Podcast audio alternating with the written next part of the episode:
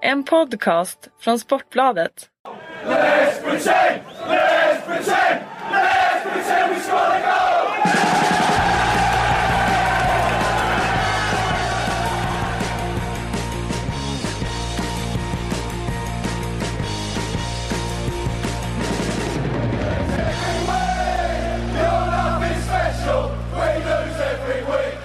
Hälsar vi hjärtligt välkomna tillbaka till Sportbladets Premier League-podd.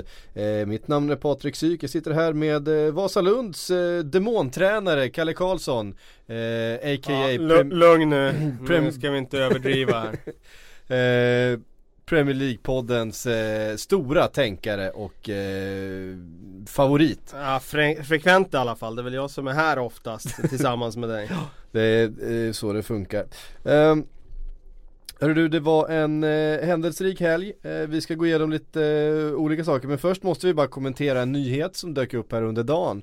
Vi visste ju att Gianfranco Sola lämnade sitt uppdrag i, i Birmingham ja. eh, för några dagar sedan. Det har inte, alltså Sola, man vill ju att det ska gå bra för Sola som tränare men det gör ju aldrig det. Nej han är ju Mr Nice Guy i allas ögon En Ja. eh, spelare som var till och med uppskattad hos motståndarfansen på alla arenor dit han kom för han var så sympatisk och en sån genomtrevlig person men eh, han har ju faktiskt inte lyckats som tränare Nej, det kan Eh, man inte säga. kan vi konstatera nu eh, Än en gång får man väl säga Ja, jag tror att eh, han kanske ska fundera på att göra någonting annat i, Det var i, i fortsättningen. Nej men det, det har det är han går ju från fiasko till fiasko i stort sett. Jag vet inte ifall han har varit riktigt framgångsrik nå- någonstans.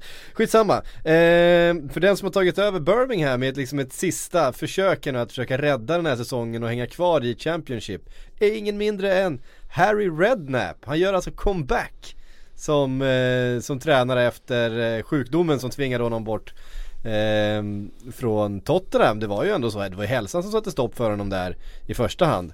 Eh, och då lämnade han ju scenen som fotbollstränare och nu gör han alltså comeback i Birmingham.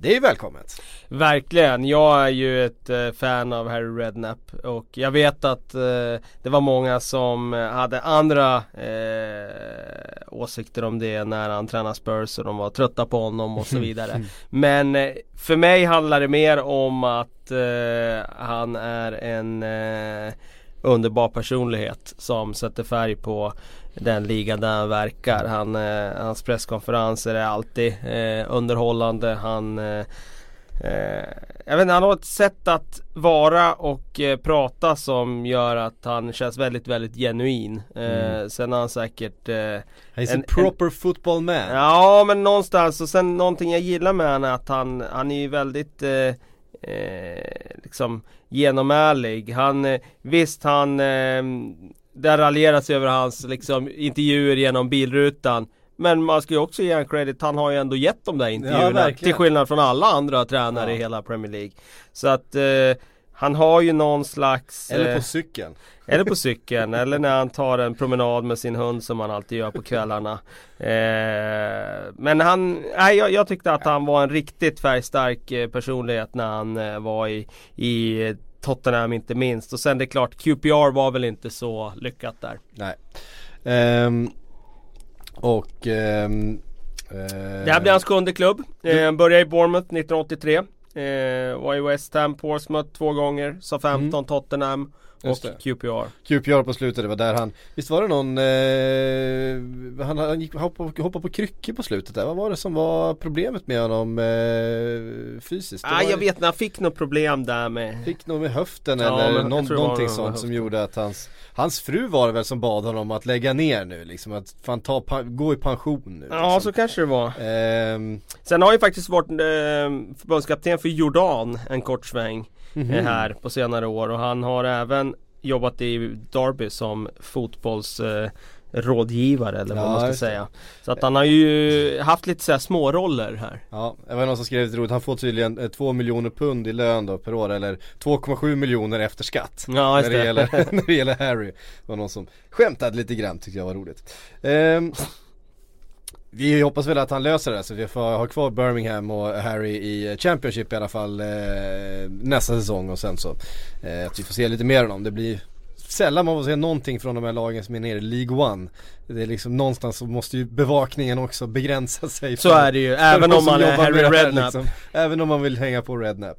Um, men eh, helgens stora grej var ju förstås mötet mellan Manchester United och Chelsea. Eh, ett riktigt, ja, alltså tungviktsmöte är ju nästan en underdrift här men eh, det kändes ju på förhand som att eh, José Mourinho inte riktigt behandlade det som det när man såg laguttagningen.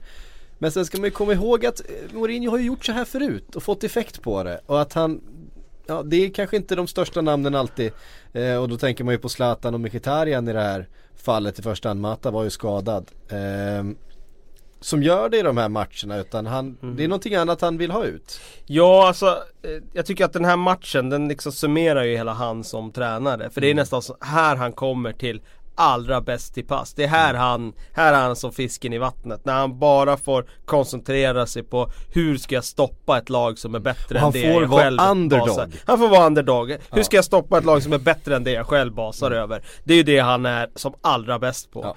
Och då blir det nästan som så att eh, han har nästan en fördel av att inte ha de här superstjärnorna. För de är kanske inte beredda eh, att lägga ner det arbetet som krävs för att genomföra just den matchplanen som han ser som den absolut bästa för att kunna slå ett lag som på pappret och även utanför pappret är bättre än vad hans eget lag är. Så jag tror att han, ja, eh, Zlatan behövde säkert vila Eh, det finns säkert någon sån aspekt men jag tror i Mourinhos bok så så tror jag att han tänker faktiskt det här är en matchplan jag har gjort för att eh, såra Chelsea och det är att slå långa bollar in bakom deras backlinje som ska ha en jäkligt snabb anfallare som springer och det har jag ju faktiskt den här och det är Rashford och för honom då så innebar det att det var bättre att Zlatan var utanför planen i just den här enskilda matchen.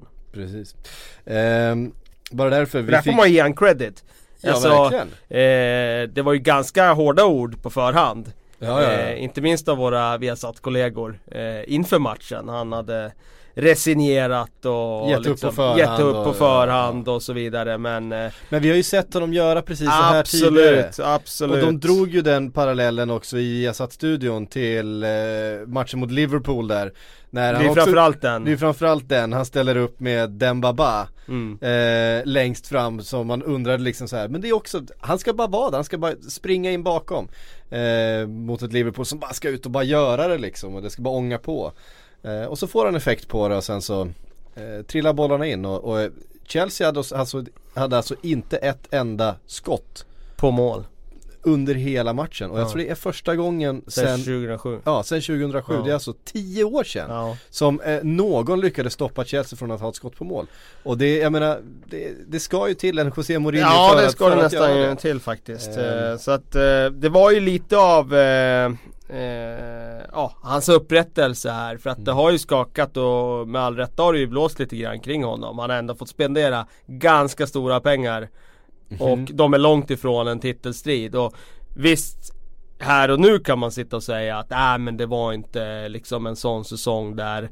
de skulle vara och slåss om titel, det var inte redo för det. Men gå tillbaka till när det hade gått tre omgångar av ligan när de hade tre raka segrar. Mm. Då var inte snacket någonting annat än att titelstriden ska stå mellan United och City. Mm. Alltså det var det alla sa då. Ja. Eh, och det var det alla skrev och tyckte och tänkte. Så att, eh, att det här har varit en misslyckad säsong, det råder det inga tvivel om. Så att han behövde verkligen, verkligen den där framgången. Judas is still number one. Ja, alltså han hävdar ju det och det, i vissa avseenden så får man ju säga menar, att det finns det. Att, att, att, få tvåla till Chelsea här också med Det är såklart den Och den där när han går ut från planen och pekar på klubbmärket hela vägen. Han går och bankar sig på bröstet och pekar på klubbmärket hela vägen ut och tittar på fansen. Ja, han, är, han drivs ju av det här. Ah, Det här är det här, det är ju det här som, det är det här som är hans bränsle liksom. Så är det. Ehm, Ja, det är, det är imponerande och det är det gör honom ju till den, den legend, eller legendar, eller vad säger man? Han, han redan är Ja alltså eh. han är ju, han är ju, han blev ju en legendar redan när han eh, var i Porto egentligen ja, och sen har han bara sen, byggt karriär, på hela liksom. den där ja. under den här karriären Han är ju legendernas legend På mm. både gott och ont och ganska mycket ont också men det är klart att han är en profil som, eh, som precis som på Harry Redknapps sätt som eh, bidrar till hela det här dramat vi alla älskar att följa. Mm. Eh, vi är ju lite tränarfixerade, eh, vi som följer den här ligan inte att- minst. Ja, men jag, tror att, jag tror att fotbollen i stort har blivit mer tränarfixerad de senaste 10-15 åren. Eh, jag tror att man var mer spelarfixerad förut. Absolut. Och sen har tillgången till spelarna har blivit mindre och mindre. Det ges inte lika my- mycket intervjuer. Eller lika mycket, det ges inga intervjuer alls egentligen om Nej. de inte är sponsrade av Nike eller något annat sto- stort skomärke. Ja. Utan vi får ju aldrig egentligen lära känna spelarna eh, ute i den stora fotbollsvärlden. Och vilka är det vi ser hela tiden då i intervjuer? Jo, det är presskonferenserna med tränarna. Efter varje match, inför varje match och så vidare. Mm. Det blir ju de som blir liksom symbolerna för sina klubbar på den där nivån. Och ja, det jag, jag tror att eh, det är inte bara vi här i den här lilla poddstudion som liksom snackar mycket om tränare utan jag tror att Nej, nej, hela alltså- fotbollscirkusen har blivit väldigt tränarfixerad. Och det kan man tycka och tänka mycket om. Mm. Eh, vi fick en fråga här för flera veckor sedan egentligen som vi liksom inte har fått med. Eh, vi fick den från, från Viktor Munter och han undrade då om hur Rashford skulle fungera som en ensam nia. Han var nyfiken på att höra våra tankar kring det och då är det väl ett bra tillfälle att eh, diskutera det lite grann när han då fick, fick chansen som ensam nia. Ja. Eh, så vilket system det var, om de var en fronttrio där framme eller ifall det var liksom En, dub, en duo. Ja, eh, ja precis, lite hur det Mm. Lite beroende på var, vilket skede av matchen vi pratar. Ja. Men han var i alla fall central. Ja, det eh, vilket han inte har varit eh, så mycket den här Han var säsongen. central i plan och han var central i matchen får Ja. man säga. Han var ju eh, tillsammans med Ander Herrera planens absolut bästa spelare i mitt tycke. Och det är ju det man menar, eh, hur tränarfixerad man än är så är det ändå Rashford som tar den där löpningen, Herrera som slår bollen och Rashford som chippar in den. är Eh, det. och det är ju en, det är ett fantastiskt fotbollsmål. Eh, för jag tycker vi kan lämna den där Han- Hansen som alla pratar så mycket om, sånt där händer. Eh, jag menar, det är, inte, det är inte Hansen som stö- stöter in den i mål, det är tre fantastiska prestationer eh, efter Hansen som, som gör det så att det, det där tycker inte jag är så mycket att diskutera. Det, det händer. Ja, men jag tycker det är intressant med Rashford då om vi, vi stannar Mm. till vid honom för att eh, han var ju en komet eh, under Onekligen. förra säsongen. Eh, och han var ju faktiskt riktigt, riktigt bra i många Mm. matcher under förra säsongen. Och det fanns ju en farhåga när Zlatan Ibrahimovic värvades att vad innebär det här för Marcus Rashford? Eh, man ska komma ihåg att det var ganska mycket supportrar eh, förra sommaren som, som var bekymrade över det. Sen har ju Zlatan levererat och det blir ju det där i dagens eh, supportertänk skulle jag säga att då blir det väldigt kortsiktigt att eh, Zlatan gör några mål, då har man glömt det där. Den där diskussionen som fanns då Ja, om och, att det, Rashford och folk inte... glömmer ju också hur ung eh, Rashford faktiskt är och, och hur oerfaren han är. Han, han, han har ju knappt gjort, vad han, har han gjort 40 seniormatcher än? Han, ja, det är väl någonstans typ, där. typ någonting sånt va? Ja, det är väl Eh, någonstans där. I sin karriär va, så att det, det är klart att han eh, Men sen har det ju blivit, det, det jag vill säga är att man har liksom glömt bort eh, också hur bra han var. ja. För, för han har inte fått spela så mycket som central spelare, så han har ju fått spela på kanten nu. Vilket innebär gjort det bra också. Gjort det bra i stunder. Eh, men man har ju glömt bort hur bra han är och nu fick vi ju alla en påminnelse om Mm. att han är riktigt, riktigt bra Mm. som spetsanfallare och skulle nu Zlatan Ibrahimovic lämna så det finns en Marcus Rashford där kvar. Mm. Och det innebär inte att han är bättre än Zlatan men eh, det innebär att deras spel blir ju annorlunda med honom och det kan är gynna otroligt andra. rörlig. Otroligt rörlig och det gynnar andra spelare. Ja. Jag skulle säga att det, li- det påminner lite, jag, jag tycker att Zlatan är en sån spelare. Han tar ju väldigt mycket plats, Mm. som vi vet. Och han är en liten sån spelare som där han spelar, där kommer ju han vara den största fisken i dammen. Ja. Och allt kommer kretsa kring honom. Och han kommer göra de viktiga målen. Och eh, Det blir väldigt mycket, har han en bra dag så har laget en bra Ja dag. precis, och, Och då blir det, ja, och då blir ju han liksom alltid den centrala spelaren Medans du byter ut honom mot en rörlig spelare, då kanske det gynnar alla spelare runt omkring. Jag tyckte Van Nistelrooy var en sån spelare. Mm. Han gjorde ju alla mål när han spelade, för det, han tog ju alltid den där platsen i straffområdet Mm. Men sen fick de in Louisa när Van Nistelrooy lämnade eh, Som den där spelaren längst fram och så hade ju varit i klubben tidigare men han var ju aldrig startspelare på det sättet Alltså given så länge Van Nistelrooy var där Men när han då eh, spelar där framme så blir det en helt annan rörlighet och det gynnar alla andra och hela anfallsspelet. Och det är klart att det eh, Det finns en sån aspekt med Rashford att eh, deras anfallsspel blir ju eh, Får ju fler dimensioner när han spelar där framme och han rör, rum, rör runt eh, på det sätt som han gör. Ja, nu ringer din telefon mitt uppe i Ja allt. det är ju bedrövligt. Eh, här ska man vara liksom, föregå med gott exempel för fol- folk som kommer hit och sätter sig i studion och så har man själv inte stängt av telefonen. Eh, sånt händer. Vi var ju inne också på Ander Herrera. Lukas Larsson skriver, tycker ni att fler lag bör punktmarkera Hazard precis som Manchester United och Herrera gjorde?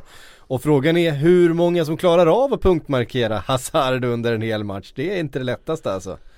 Nej, alltså det är ganska enkelt att följa honom eh, sådär eh, när Chelsea har bollen. Men det svåra är nästan vad, vad man gör när det egna laget har bollen. För då är det ofta så att man glider iväg och vill ha den själv och, och sådär. Och sen tappar man boll och då är han någon helt Och man annanstans. såg ju faktiskt att han tappade honom vid, Någon vid, vid något tillfälle i första och direkt så blir det ju mål för då, då är han ju ur position. Ja, ja. Eh, och när man tittade på hans heatmap var det också roligt, man ser, tänker Herrera, han är inne centralt, han vinner mycket boll. Han hade ju liksom hela sin heatmap på ena kanten, för han har ju Mm. bara sprungit med Hazard i 90 minuter.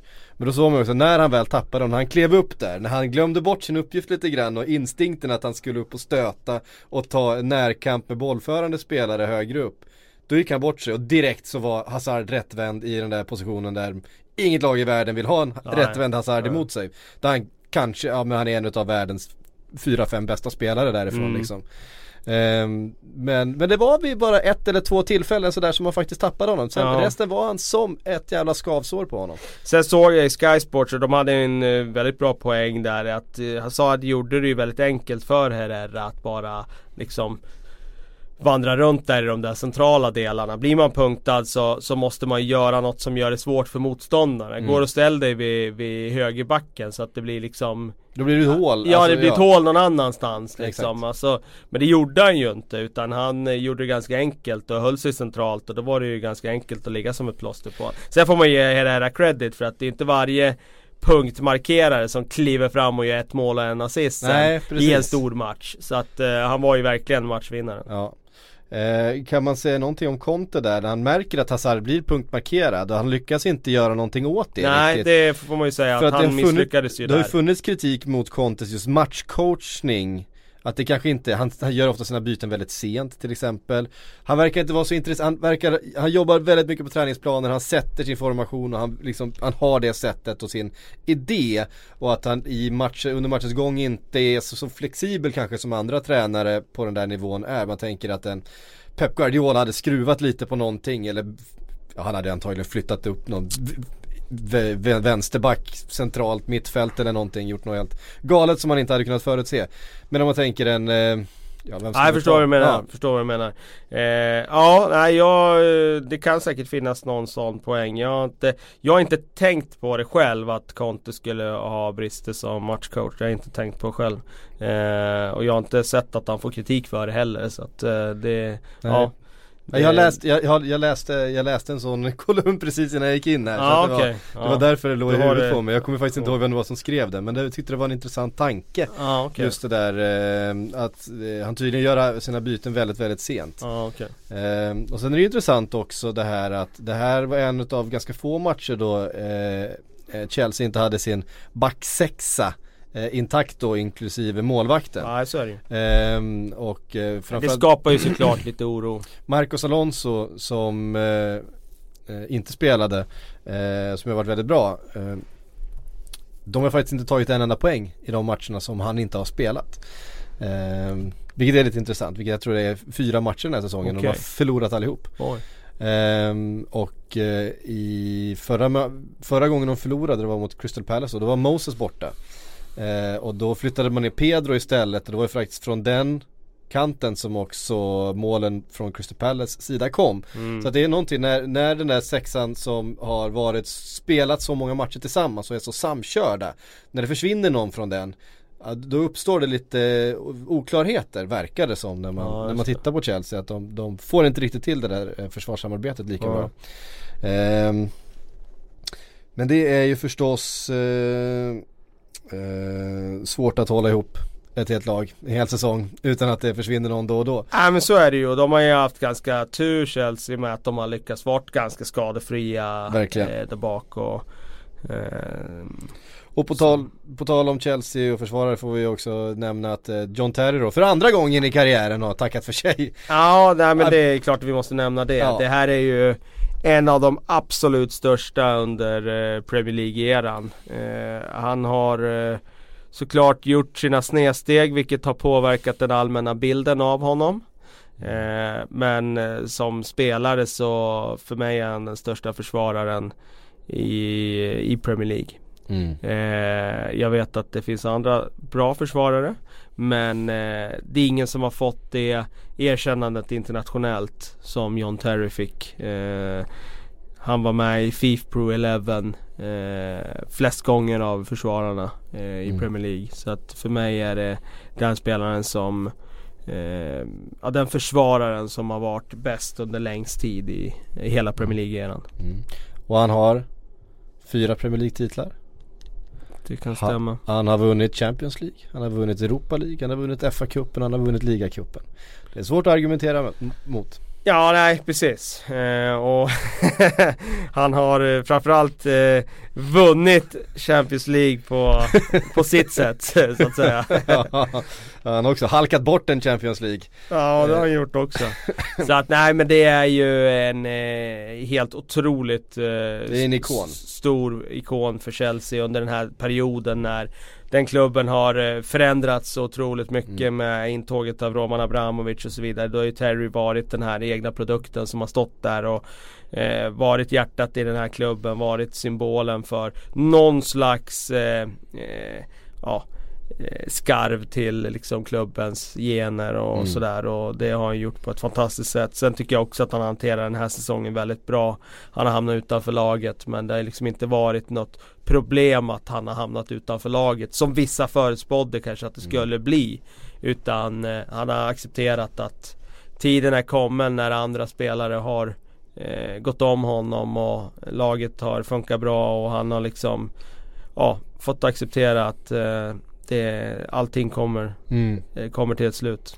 Så är det. Jag sa lite fel innan där. Han har ju inte annonserat sin, eh, sin pension två gånger nu. Utan, men klubben gjorde det förra, förra året åt honom. Just fast, det. Fast mot hans, mot hans vilja. Just det. Så sa de att nu, har, nu går John Terry i pension här och så sa han äh, ursäkta det gör jag inte alls. Så skrev han på ett år till. Men nu eh, blev det så. Ja. Vi får se här om han dyker upp. Han öppnar ju för att tolka i alla fall engelska tidningar som att han inte eh, utesluter spel i Premier League nästa säsong. Det har han gjort tidigare. Då har han ju sagt att han inte skulle kunna spela i ett annat engelskt Mm. lag. Men eh, ja, vi får se. Ja han kanske dyker upp någon, an, någon Men annanstans. eh, känner jag honom rätt så visst borde han vara intresserad av att åka till USA och göra något år Ja. där och leva i i eh, liksom glansen där borta. Det måste ju finnas gott om erbjudanden kan Jag är man tycka. inte säker på Kina men USA skulle jag kunna tänka mig när det gäller honom. Mm. Vi får se. Vad gör Wayne Bridger då? Nej vi ska inte ta upp det där.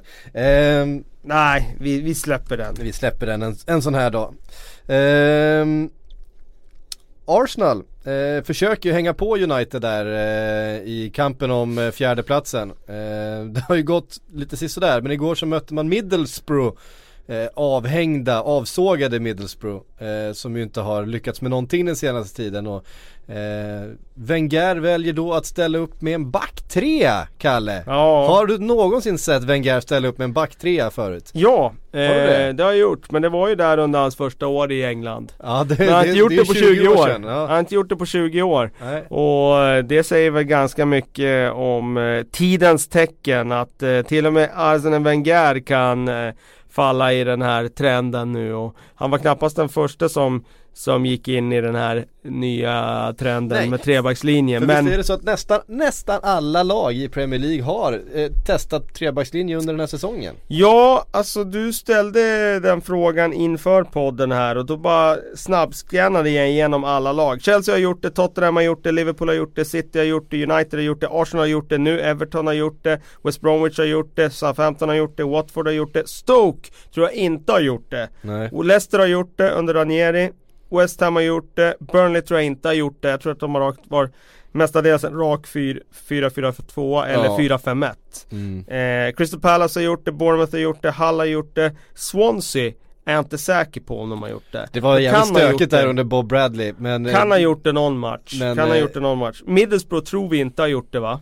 Jag tror, Tror att de har hållit det. sin eh, fyra, back fyra hela tiden. Sund- Sunderland har gjort det. Mm. Så att säga att det var fyra, fem klubbar då i ligan som inte har spelat med trebackslinjen den här säsongen. Det är en ganska eh, stark trend får man Ja. säga. Det är anmär- anmärkningsvärt eftersom vi har sett ganska många säsonger och ingen har gjort det Ja, nej, men så är det ju. Och det, det, men den här vinden blåste ju in här tidigare och eh, Att, den har att kommit Chelsea allt skulle starkare. göra det, att Watford skulle göra det eh, till exempel, det, det kunde man väl förutse ganska tydligt Med deras tränare ja. Med de tränarna Ja, eh, som de har.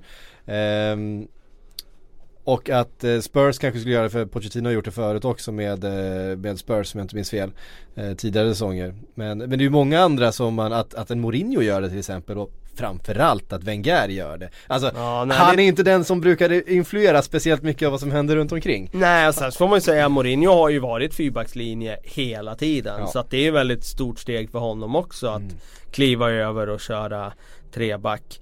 Eh, så nej men det, det är både jag tror inte fallet. Klopp har gjort det tidigare i sin karriär heller. Nej det kan jag inte minnas att han har gjort. Det kan jag inte minnas, inte i Dortmund, det kan jag inte minnas. Men det är såklart en jättegrej att eh, Wenger nu kliver in i den förlorade trebackslinjens Den land. envisaste, Ja, den av envisaste alla. åsnan av dem alla liksom Ja. som, som aldrig eh, anpassar sig efter någon annan. Men han sa ju liksom, det var ju ett erkännande från hans sida också. Han sa att de förlorar för mycket enkla dueller och sådär. Och man får ju en annan trygghet med tre där bak, såklart. Och eh, det här var väl någon slags, eh, från hans sida, någon slags eh, ja, erkännande av att Arsenal är för bräckligt bakåt. Eh, Och eh, jag ska vara riktigt ärlig så var de inte speciellt bra mot Middlesbrough Nej, jag har igår inte sett jag. matchen från igår, Nej. eh, så att eh, jag kan inte säga så mycket om det. Men du såg ju matchen Jag, igår. jag såg matchen och, och eh, de vinner ju till slut ganska komfortabelt ändå när de får in eh, eh, 2-1 där men 20 kvar ungefär. eh, Ja med 20 kvar ungefär ja, men, men det var ju 0-0 länge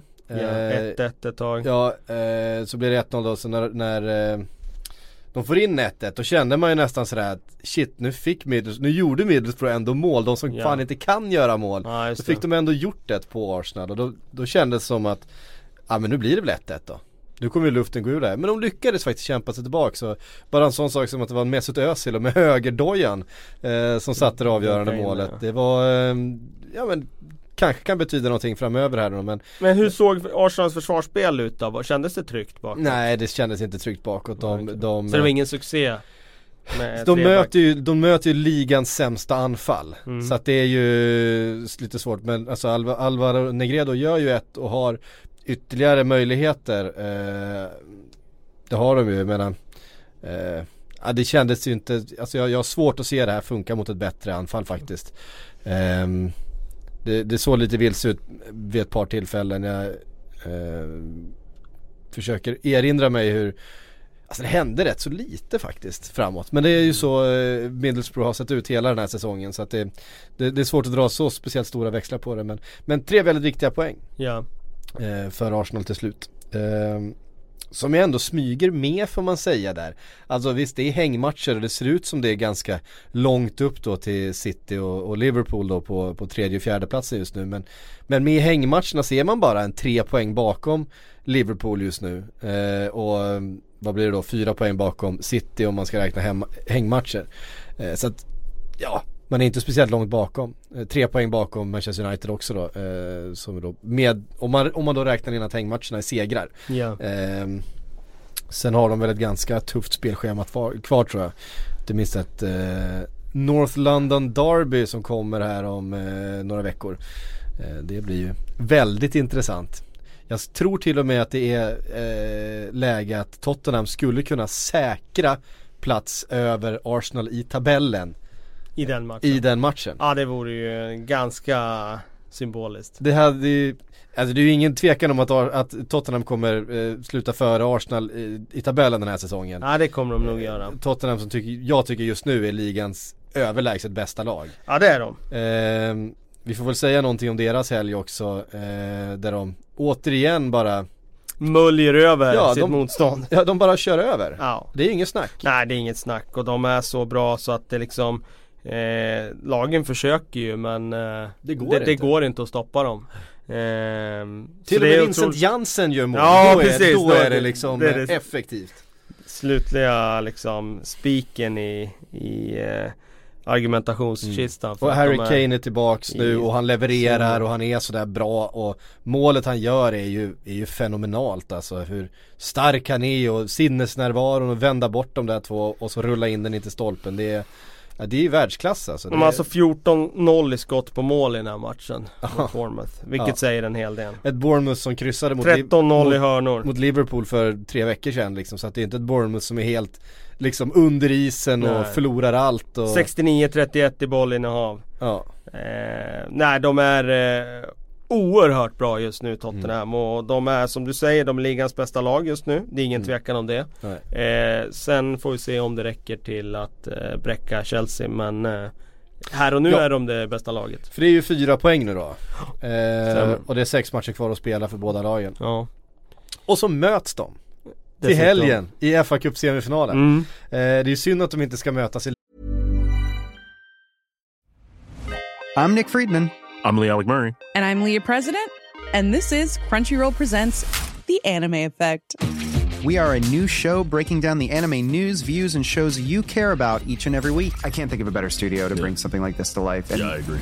We're covering all the classics. if I don't know a lot about Godzilla, which I do, but I'm trying to pretend that I don't right now. Hold it in, hold And our current faves. Luffy must have his due. Tune in every week for the latest anime updates and possibly a few debates. Oof. I remember what was that? Say what you're gonna say, and I'll circle back. you can listen to Crunchyroll Presents The Anime Effect every Friday wherever you get your podcasts. And watch full video episodes on Crunchyroll or the Crunchyroll YouTube channel.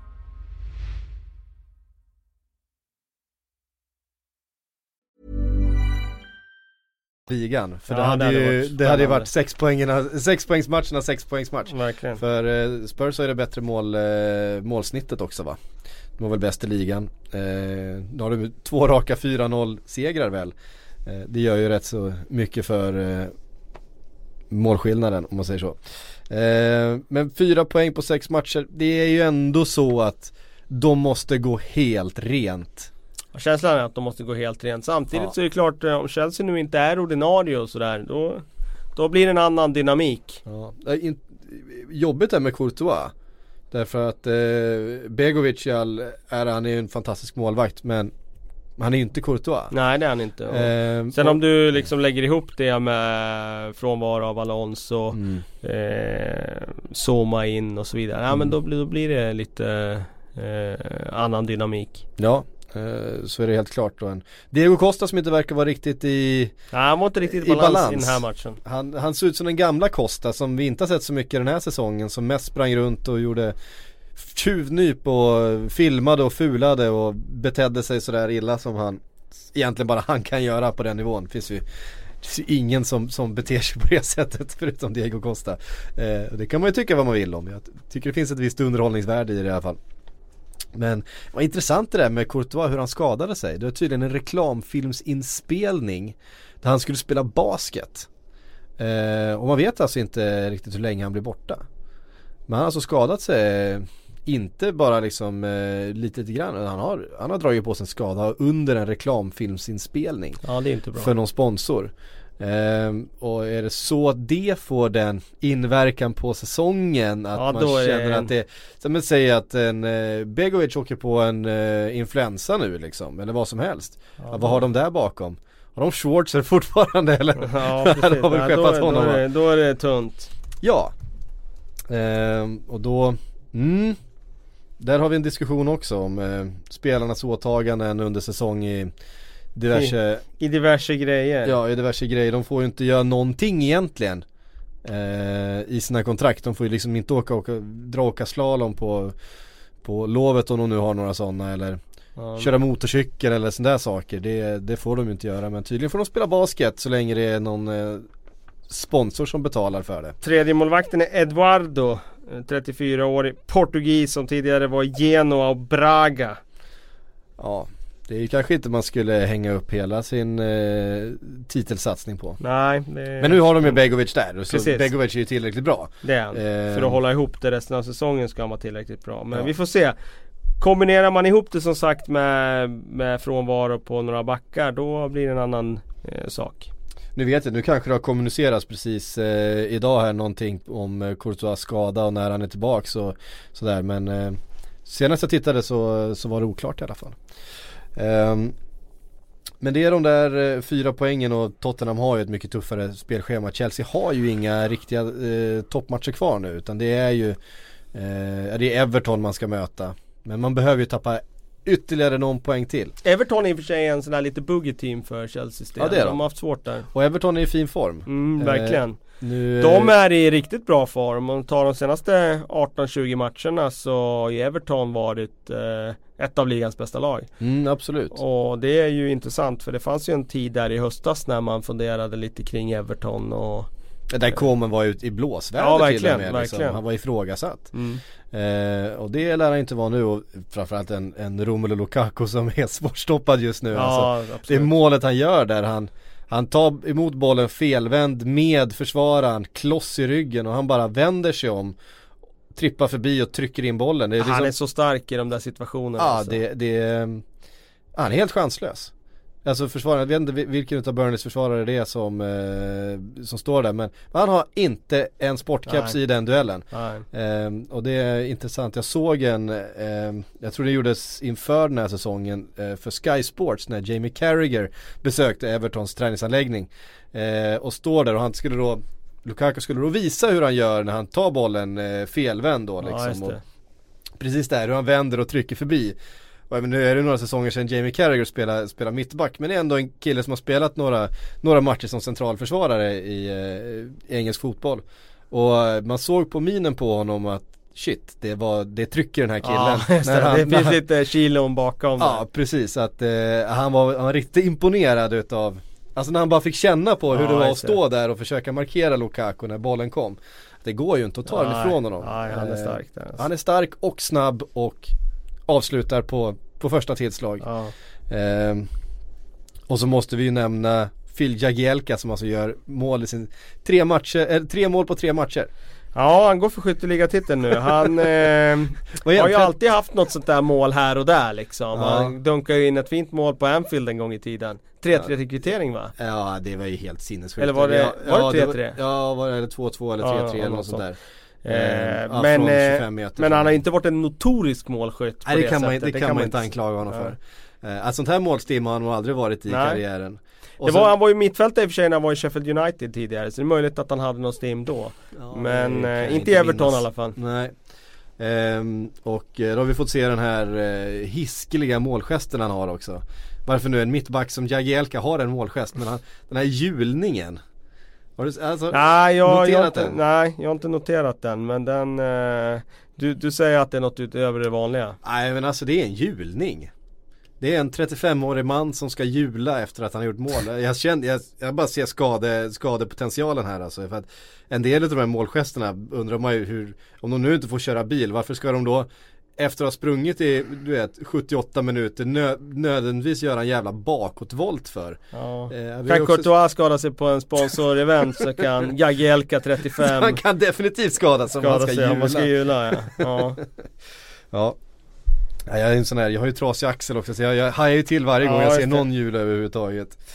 Ehm, vi fick frågan här från Jonas Sällström också. Vilken Phil Jagielka är den riktige? Den vi såg i höstas eller den vi ser nu? Eller Ja, det riktiga tycker jag nog att det är nu faktiskt. För han var, har ju varit en fantastisk försvarare i många år. Eh, sen har han ju haft svackor under de senaste två åren där han har fallit ner i rejäla gropar. Eh, och han såg väldigt trög ut i höstas. Mm. Men eh, jag skulle nog säga att den riktiga Jagielka är den som är eh, i bra slag nu. Eh, tyckte han var en av Premier Leagues bästa försvarare under ett par år där för, eh, ja säg fyra, fem år sedan.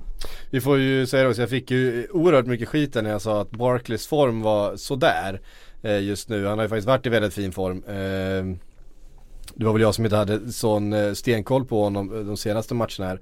Eh, ligger ju bakom det där målet som sen blir eh, noterat som självmål men, men var ju, vad säger man, instrumental Ja. i den här segern också. De, har, de har det spännande på gång, Everton. Om de får behålla dem ja. Det de är får ju lite rykten dem. nu kring Lukaku och det är rykten kring Barkley så att eh, Det kommer bli en lång sommar för Everton på transfermarknaden tror jag. Jag ser ingen möjlighet hur de ska kunna hålla i Lukaku. Nej det blir nog svårt. Det finns två saker, ett, eller tre saker. Ett, eh, det är ont om, om nior av den kvaliteten. Alltså spetsforwards med den, de kvaliteterna som Lukaku har. Ja. De växer inte på trän, alltså det, det, det är väldigt ont om dem i världsfotbollen just nu. Det är det första. Det andra är att han inte har skrivit på det här kontraktet som han blev erbjuden utav, utav Everton. Den här monsterlönen som de vill ge honom. Som han tackade nej till. Så han har kort kontrakt kvar. Och tre, han har Mino Raiola som agent. Ja nej, alla de tre talar ju för att det blir en flytt i sommar. Det kommer bli till en klubb som betalar stora dollar i lönekuvertet och det kommer bli till en av de stora. Blir det kvar i England tror du? Mm, nej, jag kan se att Mino flyttar på honom också. Men det är klart, en flytt tillbaka till Chelsea om Diego Costa skulle flytta på sig. Den, den känns ju rimlig. Eh, det var en sak som slog mig lite grann. Det är ju lite kittlande om man skulle byta ut Higuain mot Lukaku i Juventus. Ja, absolut. Han hade ju klivit rakt in där och, och eh, förstärkt det laget Ja, faktiskt. absolut. Som redan nu är fantastiskt bra. Ja, absolut. Ehm, ja, han bidrar, med så, han bidrar med så mycket. Ja, men jag gillar honom. Ehm, Och då var det inte så många som ville ha honom när han lämnade Chelsea där. Det var ändå bara Everton som Ja. nöp han där. Och det Ja. var förhållandevis ganska låg summa. Då var det mycket pengar Mm. för honom. Det var ju liksom närmare 30 miljoner pund. Men idag är ju det småpengar för en spelare av den kvaliteten. Mm. vad är det, två år sedan? Ja det är en, två, Han var ju på, på lån första året där. Ja det är nog två år sedan de köpte loss han.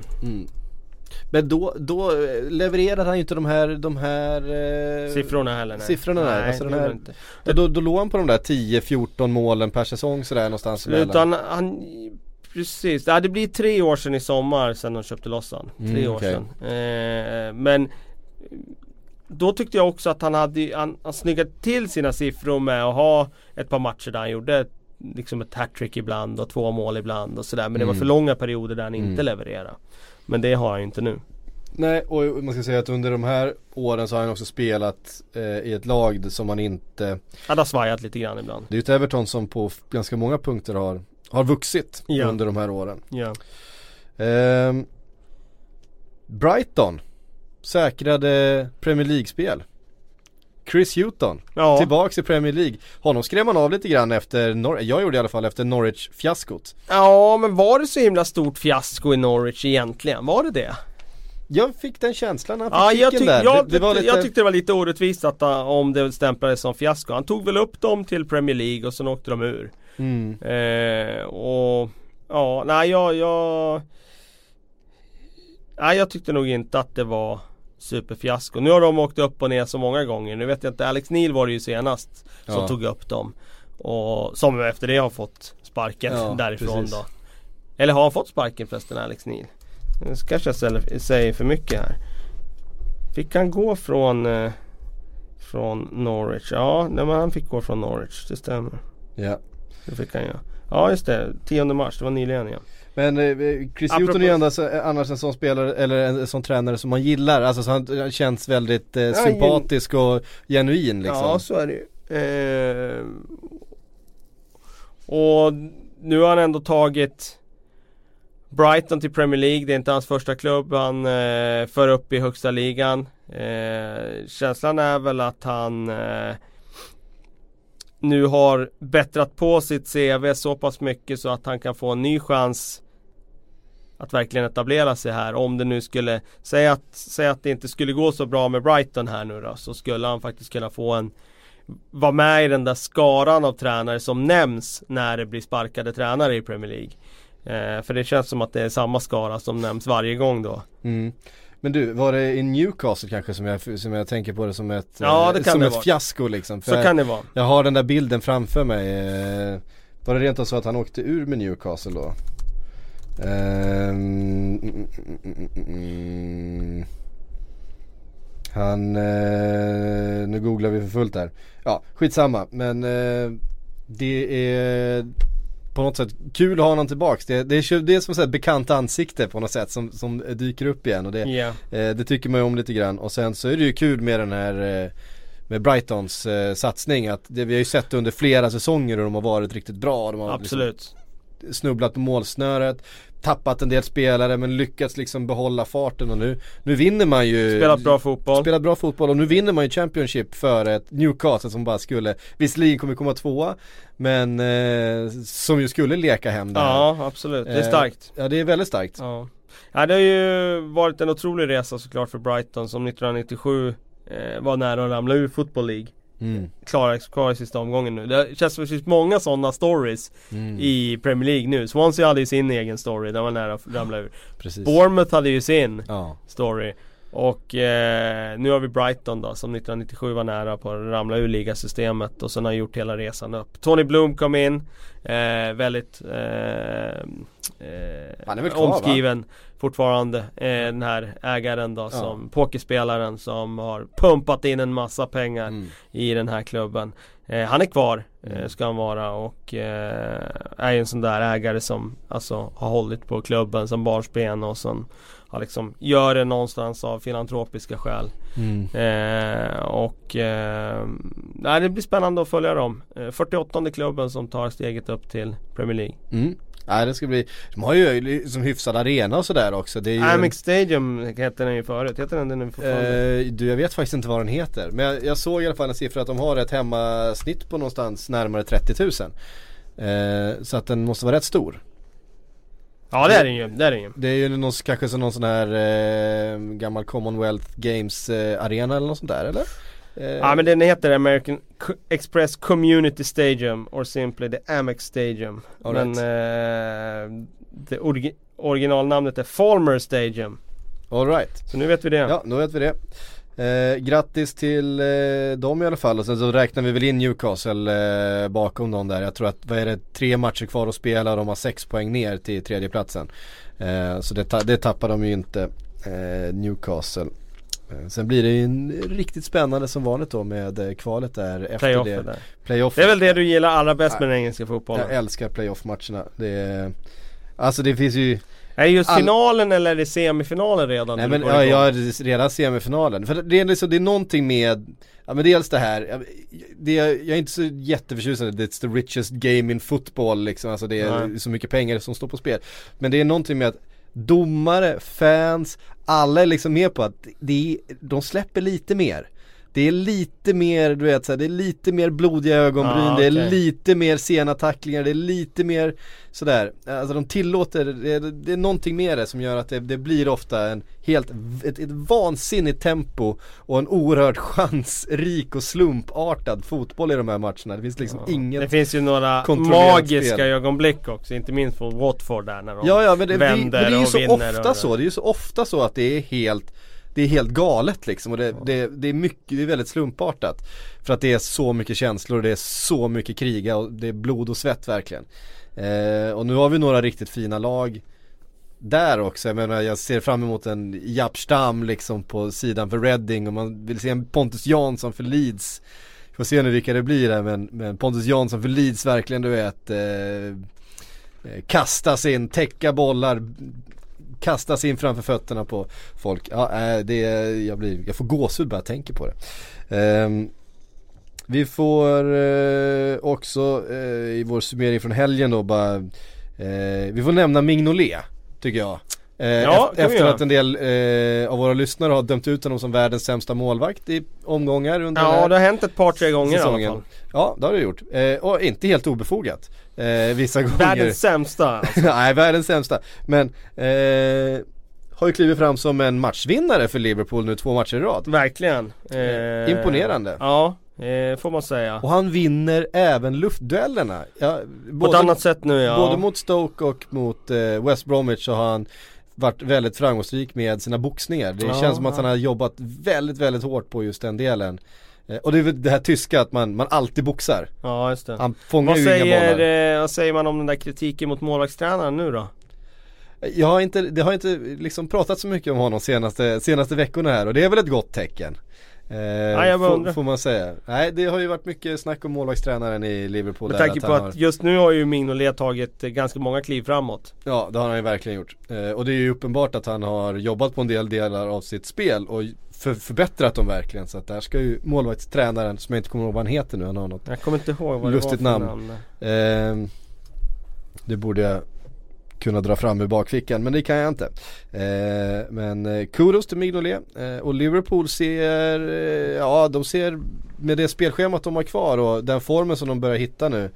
Eh, mm, ser, eh, det blir någonting för Manchester United och Arsenal att eh, bita i med sina spelscheman. Vi har några frågor eh, som vi ska svara på eh, den här tisdagen också förstås.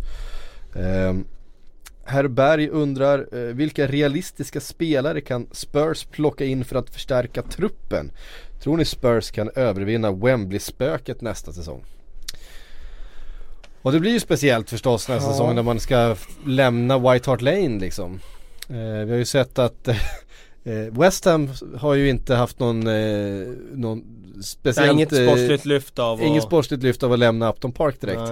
Eh, däremot så har vi sett fans stå och gråta utanför Upton Park när de har stått och rivit läktarna där och ehm, Nej vi, vi vet ju inte vad det kommer att innebära, vi kan bara gissa men det är klart att eh, det blir ju annorlunda. Nu har de sin hemmaborg där, White Hart Lane, där de känner Mm. sig nästan oslagbara. Vilket de har ju varit. Vilket de har, i princip har varit den här säsongen. Ja. Och, eh, att då i det läget byta ut det mot en arena som är ganska opersonlig. Stor och blaffig men opersonlig. Det är klart Mm. att eh, det blir svårt att jobba upp det till samma hemmaborgskänsla. Så att sportsligt så tror jag att det blir eh, lite tuffare att byta arena. Samtidigt är det här Tottenham-laget väldigt, väldigt eh, bra och inne i en väldigt god trend. Så att det är möjligt att de är ännu bättre nästa år. Vi Mm. får se. Vilka realistiska spelare tror du att de skulle kunna titta på? Vilka delar, vilka positioner skulle de kunna förstärka? Jag tycker startelvan är väldigt, väldigt stark. Eh, och det är inga liksom eh, positioner där, där man känner att där är de svaga. Utan det handlar ju om att förfina och eh, Bredda liksom framförallt. bredda eh, Mm. och vara ännu starkare i flera positioner om man nu ska slåss på flera fronter. Och Jansen har ju inte varit tillräckligt bra som backup till Kane. Utan det är ju Nej. mer John Mingsson som har kunnat fylla i den kostymen och gjort den rollen. Så att där kanske behövs någon. Det kanske behövs eh, Eh, en till försvarare av riktigt bra kvalitet för att eh, när de var skadade där så har det ju blivit skillnad. Så Mm. att, men det är ju det där att också bli den där storklubben där spelare accepterar att sitta med tredje tröjan liksom. Alltså, I Manchester United är det inget konstigt att de har fyra mittbackar eller fem mittbackar av riktigt bra kvalitet. För de har alltid haft det. Mm. Och det är liksom, där tjänar de bra pengar och där är de liksom ändå tillfreds med att det, det är så det är. Men det skulle vara konstigt om en jättebra spelare satt på bänken i Tottenham. Det skulle man tycka är lite annorlunda. Mm. På ett annat sätt än om en bra spelare sitter på bänken i Chelsea. För det är man van vid. Mm. Så det är väl den liksom förändringen de behöver göra rent mm, alltså mentalt också. Ja för de lyckades ju inte slåss på flera fronter den här säsongen. Nej. Eh, det är ju uppenbart så att det, det är ju det de behöver göra i sådana fall och då eh, Ja då skulle man väl nästan kunna nämna vilken position som helst som skulle behöva förstärka eh, i så fall. John Ashterberg eh, heter eh, Simon Ja, Mignolets Ashterberg, Heter eh, Simon, Simon Mignolets målvaktstränare. just det. Eh, kudos till honom. eh, Marcus Willershausen undrar ifall Spurs verkligen kan ta titeln. Chelseas schema framöver får man Ja tro att Chelsea definitivt tar den och ja det är Som sagt de behöver gå i stort sett rent eh, Så att det, det är svårt eh, Emil Svan undrar Åker mitt kära Swansea ut nu? Vad hände med Borja Baston? Årets flopp? Ja det får man ju nästan säga att han Ja, är. han är i viss konkurrens med några andra Ja men- så är det ju. Musa Sissoko är väl en av dem också. Sasa, Sasa i West Ham var eh, inte så lyckad. Inte så lyckad heller nej. Nej. nej. det finns några stycken, det finns det. Ehm, nej det, det, det är ju stor risk att Swansea ryker nu. Det är klart att det finns en teoretisk chans för dem att klara sig kvar men det är stor risk för det. Mm. Och det är väldigt tråkigt tycker jag. För att de har varit eh, eh, väldigt sund och sympatisk klubb. Eh, 25% supporterägda och Mm. allt det där. Men eh, de har också tappat väldigt mycket av sin eh, röda tråd och sitt DNA de senaste Mm. åren. Och det har blivit ett mischmasch av allt. Och de har inte sin identitet kvar längre. De De det som hade de den. hittade lite, tillbaks lite grann till det när Paul Clement kom in. Att det fanns i alla fall en tanke och struktur och en eh, Defensivt fanns det ju det. Ja, Eh, om det fanns det offensivt är jag inte riktigt säker på. Han, eh, han sa det efter matcherna, jag kanske måste säga upp mig och komma tillbaks så vi får en ny sån Ja, där effekt på, från när han kom in när det såg väldigt bra ut de första matcherna därefter. Ehm, Sebastian Borelius eh, undrar om man plockar ihop en 11 av de tre sista lagen i ligan Vilken chans skulle den ha att stanna i Premier League och hur skulle den se ut? Oj. Alltså min, min sp- spontana tanke, jag vet inte ifall vi eh, hinner ta ut någon eh, 11 sådär men om man tar ut en 11 utav de tre sista lagen så skulle man få ett lag som skulle vara bland de tre sista lagen. Det är lite sådär, eh, det är väldigt sällan när man slår ihop lag som att man får speciellt mycket mer ut, utav det. Nej, det är ju någon spetsspelare här och där kanske då som Ja men att, det är ju inte så att man, har- att man får ihop ett lag från hö, Övre övre halv- halvan nej, nej, nej, av att slå ihop Swansea, nej, nej, Middles, nej, nej. Middlesbrough och, och Sunderland, nej, just nej, nu. nej, nej, nej, nej, herregud. Nej, vi pratar ju fortfarande plats Vi pratar ju 14 en- och neråt Ja. liksom. Eh, Mer än så blir det absolut inte. Om Nej. det ens blir så bra. Nej precis, man har ju svårt att se Kan det ens. ligga botten trean ändå. Man, man, man skulle bara få fram en hög, hög med spelare man vill välja bort. Ja, Eh, väldigt få spelare man får välja in. så är det Ehm, Erik Bengtsson eh, undrar vad ska Everton göra för att ta det sista klivet in i topp 6? Vad är en lyckad säsong för dem? Ehm, jag tycker att de har haft en lyckad säsong eh, utifrån Ja, man kan ju inte kräva mer av dem. Nej. Utan det här är ju en lyckad säsong för dem, så är det ju. Och nu är de Eh, ju liksom där och hugger Ehm, De skulle kunna klättra upp och ta en sjätte plats eh, Från Arsenal till exempel om, Det är ju klart att det är en superlyckad säsong för dem. Jag menar Ja. de är ju beroende, ska de slås in och börja snacka topp 5 eller topp 4 då är de beroende av att andra storklubbar misslyckas kapitalt. Mm. Och det är ju ingen annan som har gjort det kapitalt i år. Det är klart att Arsenal och Manchester United och City har misslyckats. Men det är inte de här rejäla eh, fiaskosäsongerna. liksom. Nej precis och det är det som måste till för att Everton ska göra det. Men eh, jag tycker de har haft en väldigt lyckad säsong. Ja, eh, och man måste också titta på de ekonomiska förutsättningarna eh, för Everton och för det som vi brukar kalla för topp 6. De är helt annorlunda. Alltså, eh, du kan inte jämföra hur, hur Everton kan jobba på transfermarknaden ens med hur Tottenham eller Ja, eller ja, någon av de topp 6-lagen kan göra va. Så att eh, utifrån de förutsättningarna så är det klart att det är väldigt bra att ligga där de ligger. Eh, Elias Bolander undrar, blir Spurs sönderköpta i sommar? Vilka kan lämna? Jag tror inte att Spurs blir sönderköpta. Nej, Jag de blir inte har- sönderköpta. Det som är, det enda som jag tror är, det är Dele Alli om Real Mm. Madrid verkligen skulle börja komma in och, och lägga sjuka bud. Mm. Vilket de skulle kunna göra. Harry Kane lämnar inte. Nej det jag tror, tror jag inte inte han gör. Nej det tror jag inte han gör.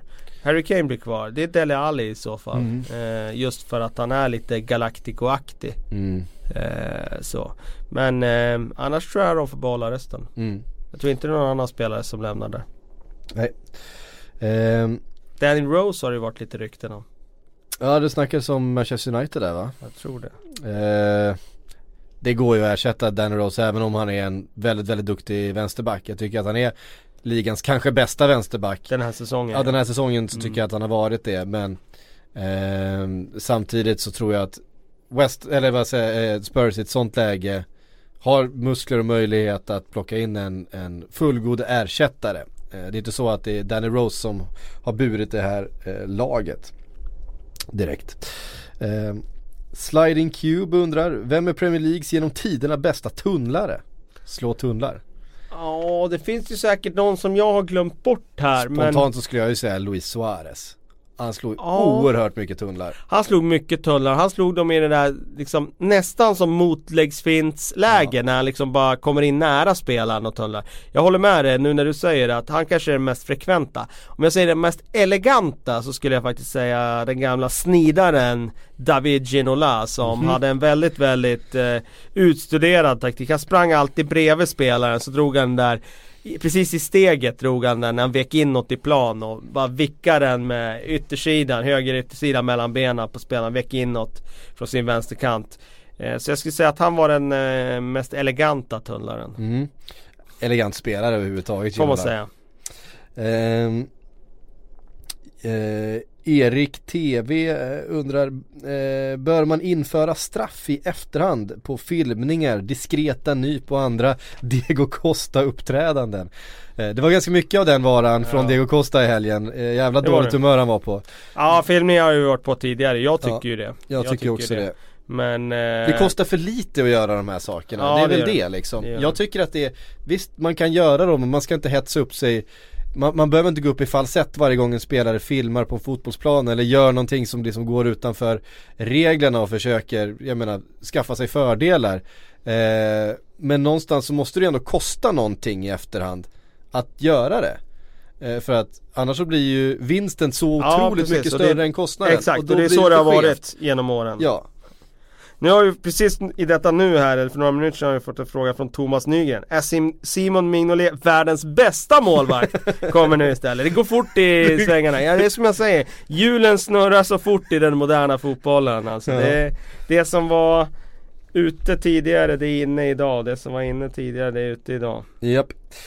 Uh, hörru du Kalle, vi måste stänga butiken. Eh, vi ska tipsa i alla fall om att uh, ni som lyssnar idag tisdag, ni som hinner lyssna idag, så eh, är ju så här att eh, vi håller på att skriva ihop en Manchester United-bibel, eller hur Kalle, som du är, är involverad i? Eh, jag är lite involverad i den, ja. Ja, vi släppte ju en Liverpool-bibel här tidigare i år, den var eh, väldigt bra, den var väldigt Ja. uppskattad. Den eh, var kul att göra. Ja, eh, Och- den, den, den var så bra och den var så kul så att vi bestämde oss för att göra Manchester United-bibel också. Ja, och förhoppningsvis kommer det fler biblar framöver kan man Ja säga. precis, ja, men det har varit ett eh, väldigt kul eh, experiment från början. Ja. Vi använde oss av Facebook för att först, först att rösta fram vad vi skulle göra och sen har vi fortsatt när vi har märkt att det gått väldigt bra. Eh, och eh, idag då, om man hinner före 23.59 i natt så kan man beställa den, förhandsbeställa den via, via sportbladet.se Annars så kommer den ut i butiken den 27 april nästa vecka. Så håll utkik efter den då. Eh, Kan eh, avslöja lite innehåll, eh, jag vet att det finns en exklusiv intervju med Ander Herrera till exempel. Eh, Kan vara intressant, listar 99 största Manchester United-ikonerna eh, Och så kan ni fundera på den här, vi har nämligen träffat eh, spelaren som gjorde det första målet under Sir Alex Ferguson i Manchester United. Eh, det måste alltså varit 87 va? 86. 86 till och med. Eh, och vi har alla resultat sen säsongen 86-87 i en enda lång lista. Bara en sån sak. Ja, det blir en lång lista. Det blir en lång lista, eh, något att tejpa upp på väggen. Men som sagt, den går att förhandsbeställa idag då, tisdag om ni lyssnar idag. Annars får ni vänta tills den kommer ut i butik. Man kan också bli sån här plus premiumkund och då får man hem den eh, i brevlådan också. Eh, tack för att ni har lyssnat. Eh, kolla in eh, Manchester United-bibeln och sen så hörs vi om en vecka igen.